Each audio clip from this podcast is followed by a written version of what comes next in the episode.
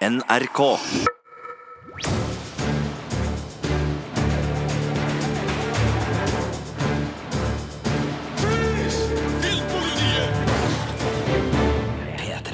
Og hjertelig velkommen skal du være til en ny funklende podkast fra oss i Filmpolitiet.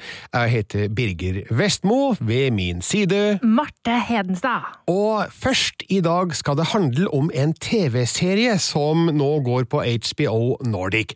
Den heter My Brilliant Friend, eller på norsk, Marte? Mi briljante venninne. Tenevano un pigiama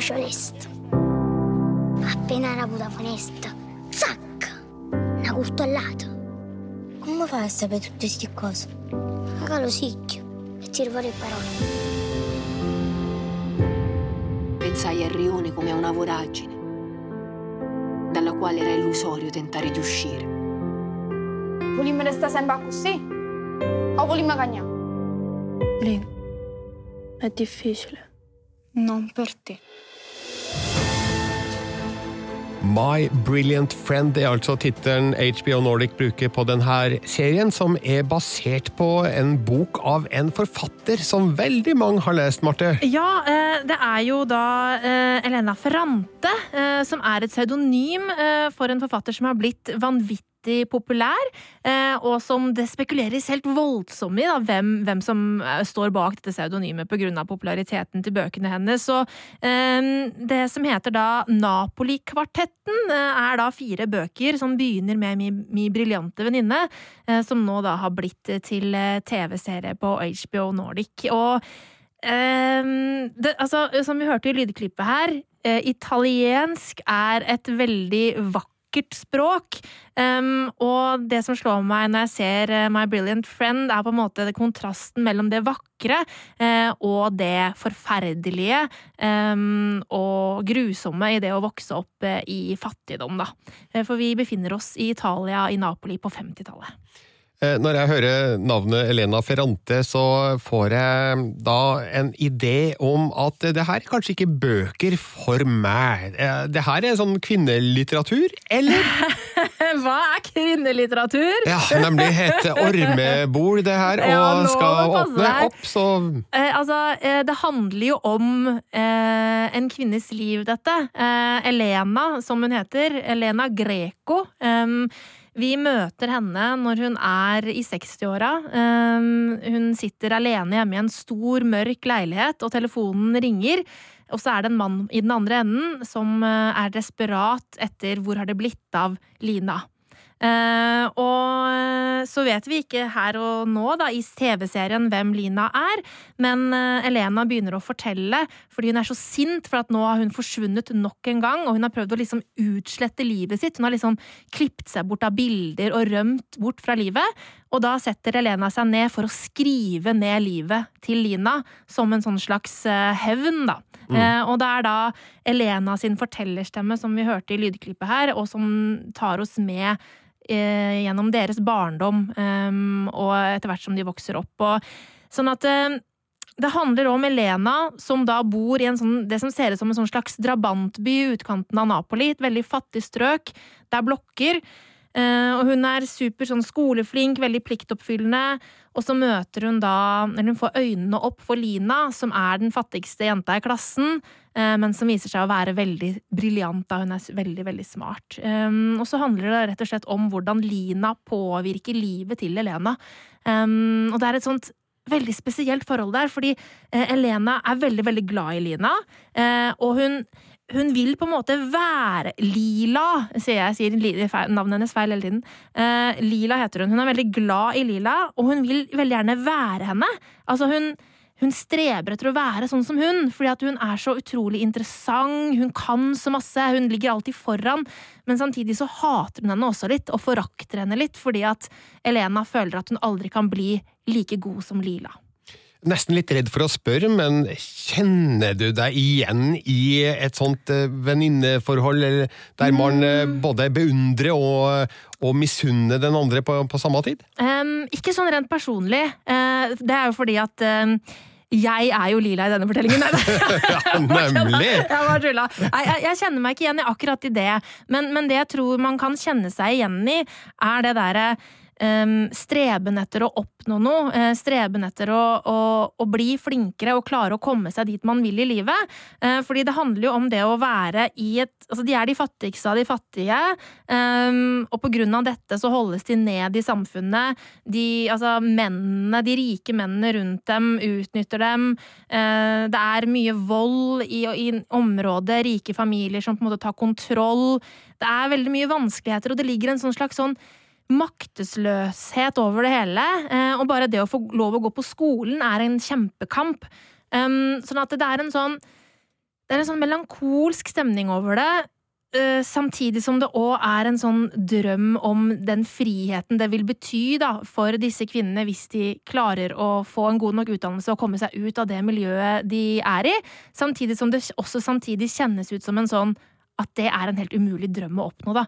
Sånn at det, det ja, det, det var veldig mange ganger hvor Jeg har sett fire episoder av åtte, eh, og det var flere ganger hvor jeg måtte gråte fordi jeg følte at det var så um, håpløst. Samtidig som det også var veldig fint på samme tid. Så det er en veldig eh, sterk opplevelse um, å se denne serien. Eh, Alle åtte episodene er regissert av Saverio Constanzo, som eh, sto bak den eh, italienske serien In Treatment. Den heter jo ikke det på italiensk, men den ble jo da gjort en remake av i, i USA, med Gabriel Byrne i hovedrollen. Mm. Så han har meritter å, å vise til, og nå har han da tydeligvis eh, festa Elena Ferrantes eh, univers til film, eller til TV, da, i hvert fall ja. på en overbevisende måte. Eh, Du sa at My Brilliant Friend er den første boka i Ja. Napoli-kvartetten. Yes! Eh, Vil det bety at her er det mye mer historie å fortelle, tror du? Ja, det vil jeg jo tro, da. Ehm, Jeg regner med at eh, Jeg har jo ikke lest bøkene sjøl, så jeg regner med at hver bok forteller en viss del av livet til, til disse damene, uten, uten at jeg vet det. Eh, Men, ehm, men det er ja, altså jeg gleder meg til å følge altså For sånn som i de fire første episodene, så, så kommer vi til ungdomstiden eh, og high school. Eh, sånn at eh, Og det er jo da halvveis i serien, så vi får se hvor langt det går, da. Mm. Eh, Vi har jo vært litt bakpå her. Eh, Serien hadde jo premiere på mandag. Og vi har fått flere henvendelser fra kolleger i NRK som lurer på eh, når kommer anmeldelsen av My Brilliant Friend? Og så har vi rett og slett ikke hatt kapasitet til å anmelde det her. eh, eh, Og det gjør vi heller ikke nå. Nei, altså, eh, jeg har jo ikke skrevet noe anmeldelse, men det her er jo kanskje den beste serien jeg har sett i år. Oi! Um, det er noe med uh, bare selv Altså, uh, scenografien og foto er jo helt fantastisk uh, i sin nøkternhet. Um, det er veldig flott og stemningsfull musikk. Det er jo helt vanvittig godt skuespill, og der kan man jo uh, Hun som spiller um, Elena som barn, er jo um, er jo en uh, halvt norsk jente. Eh, barn. Elisa ja. Delgenio er halvt norsk, da. Eh, så um, hun spiller veldig, veldig godt. Eh, og, og i alle leddene her så er det utrolig godt skuespill som eh, gjør stort inntrykk. Så jeg, jeg, jeg vanligvis når jeg sitter og ser serier som jeg skal snakke om i Filmpolitiet, eller anmelde noe sånt nå, så har jeg med meg en notatblokk, og så sitter jeg og noterer underveis. Men da jeg så My Brilliant Friend, så var det akkurat som at tiden sto stille på et vis. og jeg, jeg jeg glemte helt den notatblokka og ble helt oppslukt i denne serien. da. For det, er, eh, ja, det er rett og slett briljant. Er det en, eh, er det en kvinneserie, Marte? Og det var det du var inne på det der igjen! Nei, vet du hva? Eh, Jeg tror det her er en serie for både menn og kvinner. Selv om det handler om to kvinner, så er det universelle temaer som tas opp her også. Sånn at dette her er noe du òg kan kose deg med, Bill. Da skal jeg gi My Brilliant Friend en sjanse. Den kan du altså se på HBO Nordic.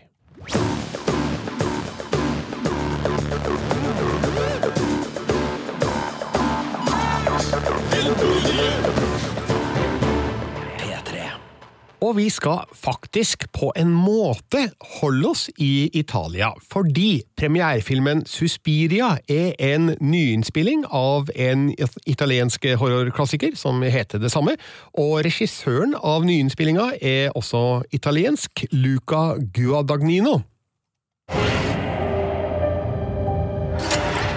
I feel like I'm not even here yet.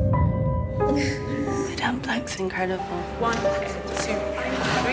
The way she transmits her work. You have to decide what is it you want to be for this company? There's more in that building than what you can see, Doctor. You are living with dangerous people. Som du hørte, så ble det snakka engelsk eh, her, og filmen foregår stort sett på engelsk, eh, også litt på tysk, fordi handlinga er lagt til Berlin, og flere av skuespillerne er både engelske og amerikanske, så det her er en multinasjonal film, da, basert på den helitalienske Suspiria fra 1977. Har du sett den, Marte? Nei, jeg har ikke det. Eh, jeg, har- jeg har hørt om den, men jeg har aldri sett den. Nei, Det er jo en eh, kultklassiker fra regissør Dario Argento, kjent for en rekke blodige skrekkfilmer fra spesielt 1970- og 80-tallet.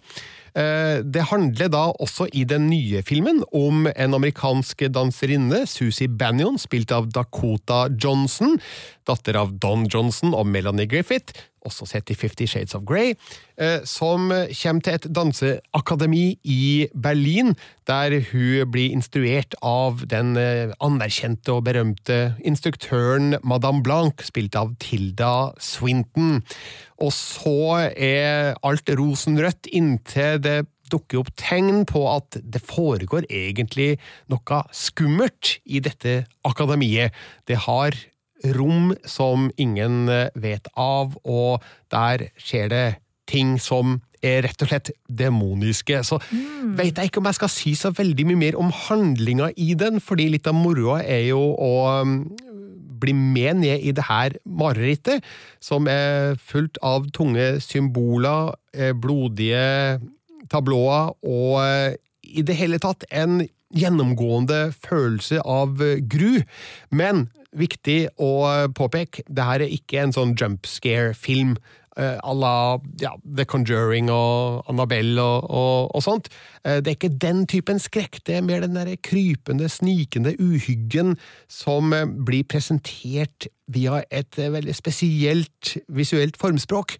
Det er som en kunstfilm, det her, med flere bilder som du godt kunne ha printa ut og hengt opp på veggen. Ja, altså jeg eh, er inne på anmeldelsen din eh, på p3.no nå, film, um, Filmpolitiet, og jeg ser jo Det er jo altså sånn eh, med mørk bakgrunn, bleke kropper, røde kostymer. Altså, Tilda Swinton står i en sånn knall rødoransje greie. Det ser ut som et maleri, nesten. Eh, veldig sånn stilisert uttrykk. Ja, absolutt. Eh, hva, hva er grunnen til at eh, det er blitt lagt så stor vekt på det, tror du? Altså, eh, det foregår jo som sagt ved et danseakademi, og de eh, øver inn et ekstremt vanskelig stykke som heter Folk.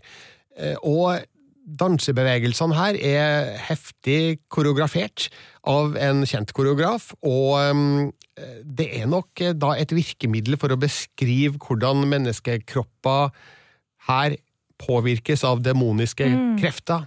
Eh, Det brukes da eh, til å forstyrre oss som ser på, fordi bevegelsene er umenneskelige.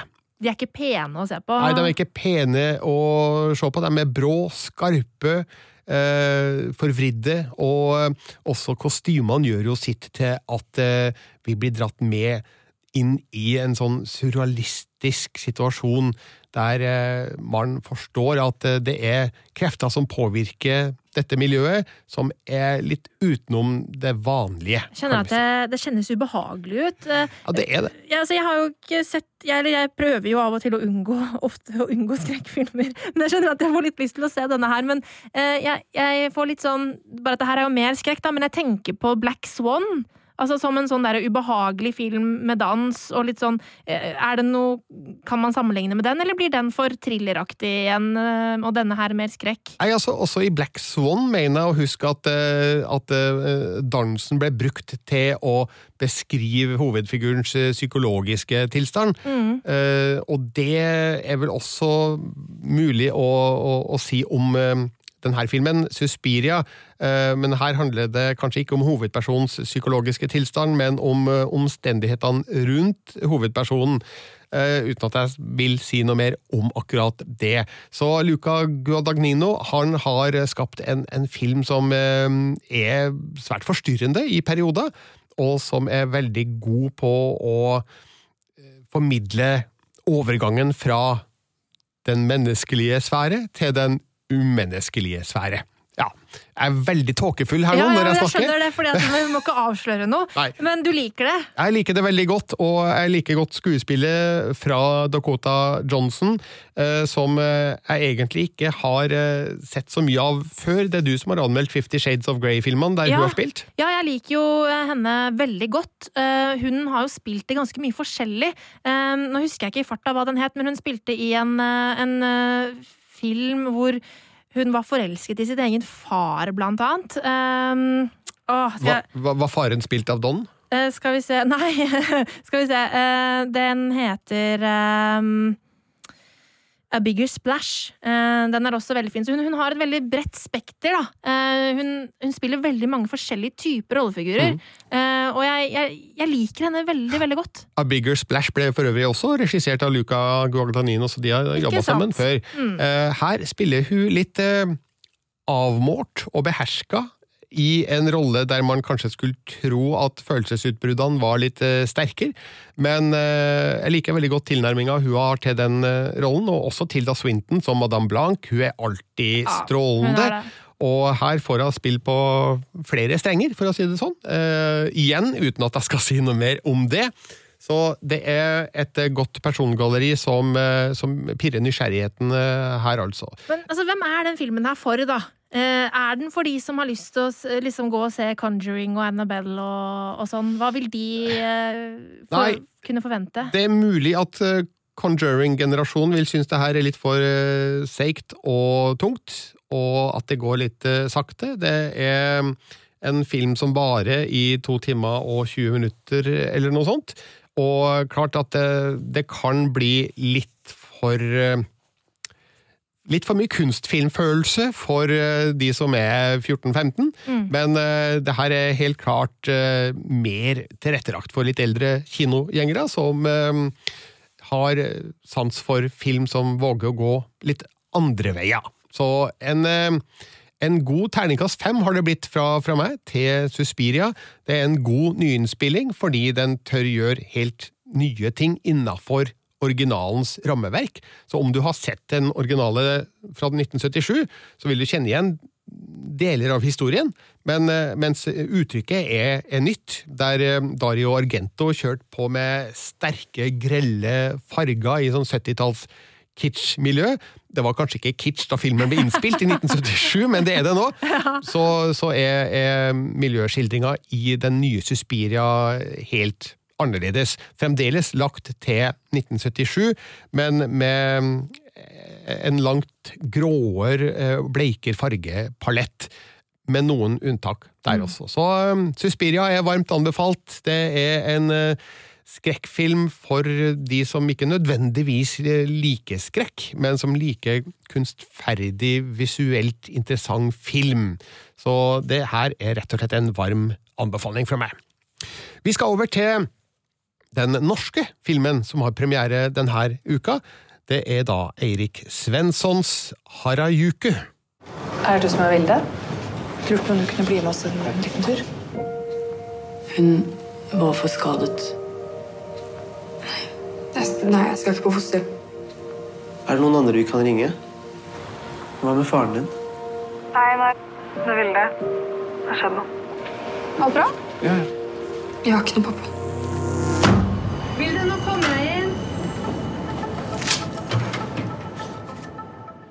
Filmen heter altså Harajuku, og bare for å ta det først Harajuku er en bydel i Tokyo som er kjent for eh, mange butikker og et livlig miljø. Eh, Ungdomskulturen lever sterkt i Harajuku, har jeg skjønt.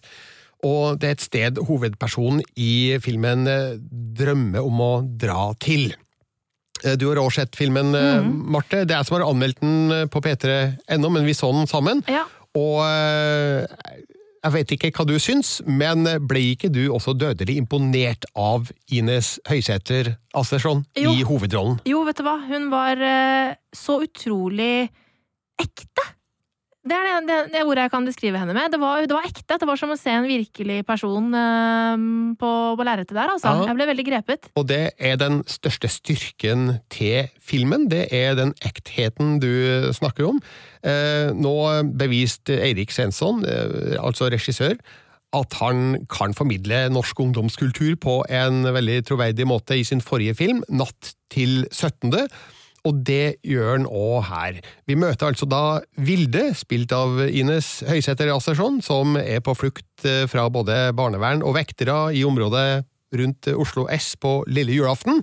Eh, hun er alene, og hun drømmer om å rømme fra byen og dra til Tokyo med en enveisbillett, der hun, hun, hun skal til Harajuku. Mm. Hun har en sånn idé om at det er et eh, fristed, Ja, på en måte. ja, hun har en sånn drøm i hodet sitt om hvordan det skal være, og det handler jo litt om den eh, kulturen hun eh, er i, altså den subkulturen på spor 13. eh, hun er superopptatt av anime og diverse japanske popkultur og sånne type ting, sånn at Harajuku er liksom drømmeplassen for henne, da. Og nå er hun i en livssituasjon der det egentlig bare virker mest forlokkende å komme seg vekk og ja, fordype seg i drømmen. og hun mangler penger til det her. Eh, hun tar derfor kontakt med Einar, spilt av Nicolai Kleive Broch, som er hennes biologiske far, men de har aldri hatt kontakt. Han har et nytt liv med en ny familie, og så er han tilfeldigvis i området på julehandel med familien, når han får beskjed fra Vilde om at noe har skjedd og de må møtes. Så eh, har han en kone, Marianne, spilt av Ingrid Olava, som eh, er sterkt imot at de skal møtes, for eh, hun, hun ser på det som en trussel mot sin eh, egen familielykke. Ja, oh, gud, og Ingrid Olava kommer, altså hennes rollefigur kommer fryktelig dårlig ut av denne filmen som en vanvittig usympatisk person som kun tenker på sin egen sin egen familie og sin, sitt eget ve og vel. Da. Eh, og veldig brutal eh, i hvordan hun er mot Vilde. Og, og eh, Einar er jo utrolig feig, eh, og det er veldig vondt å se. Eh, ja, det, jeg, ble satt og liksom var litt sint Ja. eh, på det forholdet der. Altså, fordi Einar han er, blir veldig godt spilt av Nicolai Kleve Broch. Mm. Han virker jo som en i utgangspunktet sympatisk og velmenende fyr. Men han har jo da begått et stort svik Mm. mot Vilde, og vi aner at det er han fullstendig klar over, men har valgt å legge et lokk på det. Valgte ikke å gjøre noe med det. Og, og kanskje er kona Marianne en, en viktig årsak til det, for hun er tydeligvis veldig bestemt og, og steil, og vil ikke at han skal ha noe med hun å gjøre. Fordi det er en historie bak her som blir avdekka etter hvert, som er, er vond og sår for alle parter. Så jeg, jeg kan på en måte forstå Marianne også, hvorfor hun vil nekte Einar å ha kontakt med dattera si. Um, det er jo eh, en egoisme i det her som eh, jeg tror vi alle egentlig har en liten eh, flik av, Marte. Mm, Selv ja om du selvfølgelig er perfekt. Ja, ja, jeg er perfekt. Nei da. Men ja, jeg skjønner hva du mener, og det er noe menneskelig ved det. Mm. Og jeg syns det er det som er veldig fint med denne filmen, her, at den er, den er veldig menneskelig og veldig realistisk i hvordan eh, folk forholder seg til hverandre, og hvordan folk snakker sammen. Mm. Eh, Einar og Vilde, hvordan de snakker sammen. Ekstremt realistisk. Og det er en scene der som pågår ganske lenge. eh, Den, som, hvor praten bare går, Mm. eh, og som kanskje noen andre filmskapere ville valgt å klippe mye strammere, men den pågår bare. Eh, og er litt sånn der ubehagelig. Eh, og jeg syns det er så bra at vi liksom får lov å være i den ubehagelige situasjonen, da, eh, med den vanskelige dialogen. Akkurat den scenen du sikter til her, har jeg et ankepunkt mot. Jaså? Eh, La meg forklare, og så får du si om du er enig eller uenig. Okay. Eh, fordi de sitter jo da og diskuterer dette far-datter-forholdet som aldri ble noe av, og hvorfor har det her skjedd, og hva kan de gjøre videre. Men forut for det her, så er jo hele grunnen til at Vilde er på rømmen, det blir jo ikke diskutert i det hele tatt. Nei. Og det er jo en mer akutt problemstilling som man skulle tro de hadde kanskje tatt mer tak i. Men den ballen legges død sånn omtrent umiddelbart, og så begynner de å diskutere andre ting i stedet for. Ja, altså, hun, hun sier jo ikke hva som er grunnen, først. Eh, og, så, og så, når hun endelig forteller hva, hva det er, så, så går det litt sånn fort forbi. Eh, og det, det, det tenker jeg at det er en del av den derre legge lokk på ting. Sånn som, som Einar her virker som at han alltid har lagt lokk på ting i livet sitt, og at han gjør det her også. For det er en sånn vond situasjon som er litt for vanskelig å takle, og derfor legges det lokk på det. Det var i hvert fall sånn jeg tolka den scenen. da. Eh, og, og sånn som Vilde er jo, har jo skyhøye murer rundt seg, Mm. som hun beskytter seg med. Eh, og, og at det derfor er sikkert van det er vanskelig å snakke om det. Det var sånn jeg opplevde den scenen. Ja, ok, eh, interessant. Jeg følte at det var unaturlig at Ja, okay. de ikke skulle ta tak i eh, hovedproblemstillinga Ja. her, eh, altså hovedårsaken til at Vilde er på flukt. Det tenkte jeg virkelig at filmen burde brukt mer tid på. Ja, det er interessant. Og- har vi sånn for, forskjellig tilnærming til akkurat det. Også et annet an ankepunkt er jo rollen til Ingrid Olava. Og det har ingenting med Ingrid Olava å gjøre, for hun er en meget dyktig skuespiller, og hun gjør en god jobb i eh, det vi ser av Marianne i filmen. Men eh, her føler jeg at det var mer å hente fra figuren. Denne, denne harde steilheten hun har overfor Vilde. Eh, hvor kan den etter hvert gå? Hva kan skje med den? Jeg tenkte at hun fikk liksom én funksjon her, og det var å være den harde, kalde bitchen. Som, som skulle eh, stå i veien for eh, at far- og datterforholdet blir etablert. Og jeg tenker at her kunne det vært interessant å følge den figuren litt videre. Og filmen er jo bare 1 time og 20 minutter lang, og da tenker jeg at kunne de ikke ha spandert på seg litt mer tid på akkurat den delen, da? Ja, enig i det, altså, for hun blir veldig altså, flat i at hun bare er den ene tingen. Hun er bare hun slemme i hermetegn som er ødeleggende. Vi får liksom ikke se noe mer av det underliggende så veldig mye. Nei. Eh, Det er også en liten bihistorie i alt det her, med en bortkommen sølvgutt. Ja. Som eh, Vilde får eh, følge av, veldig motvillig.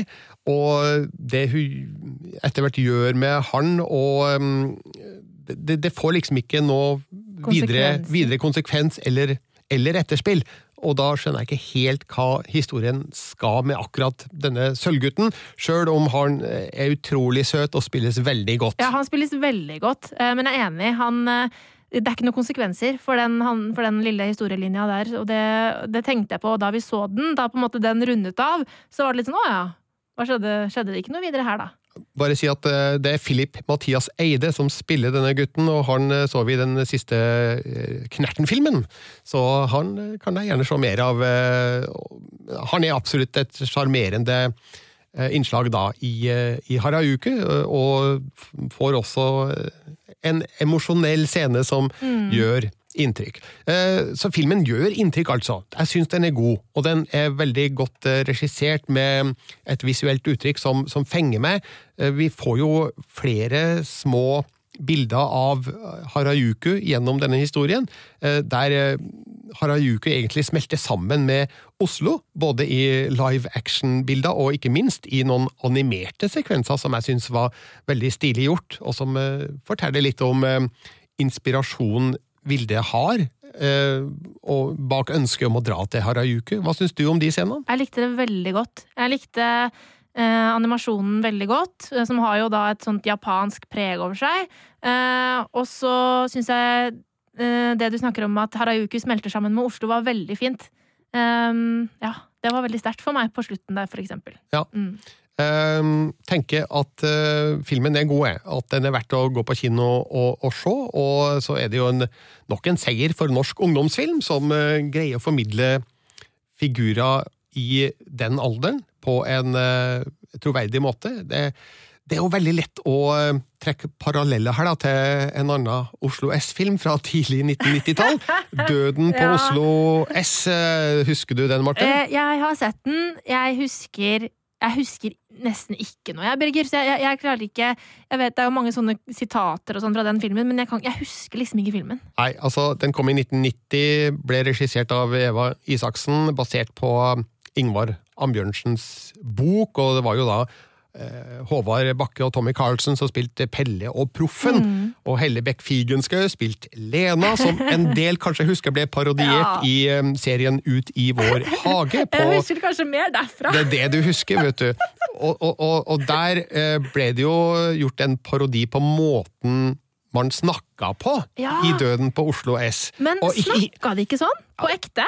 Jeg Eller vet- gjorde de ikke det? Du, jeg, som du hører, jeg er trønder, Ja, så vet ikke helt hvordan Oslo-ungdom snakka i 1990, men altså, i norsk film generelt på den tida, så var det vel litt teatralsk snakk, var, var det ikke det, da? Jo, det var vel det. Uh, Så det var ikke spesielt for Døden på Oslo SD, men for norsk film generelt. De, de snakka på en litt mer eh, utstudert, karikert måte, kan det virke som da på den tida, men det gjør, det gjør man ikke i Harajuku. Jeg tror fullt og helt på denne vilde figuren, og på miljøet hun eh, vanker i. Så um, denne filmen fortjener å, å ses. Uh, har altså da noen innvendinger mot eh, veivalg i historien, men eh, tror at mange vil ha glede av å se eh, Harajuku. En gripende historie som det gjør både godt og vondt å se, og jeg har gitt en hederlig terningkast fire til Harajuku.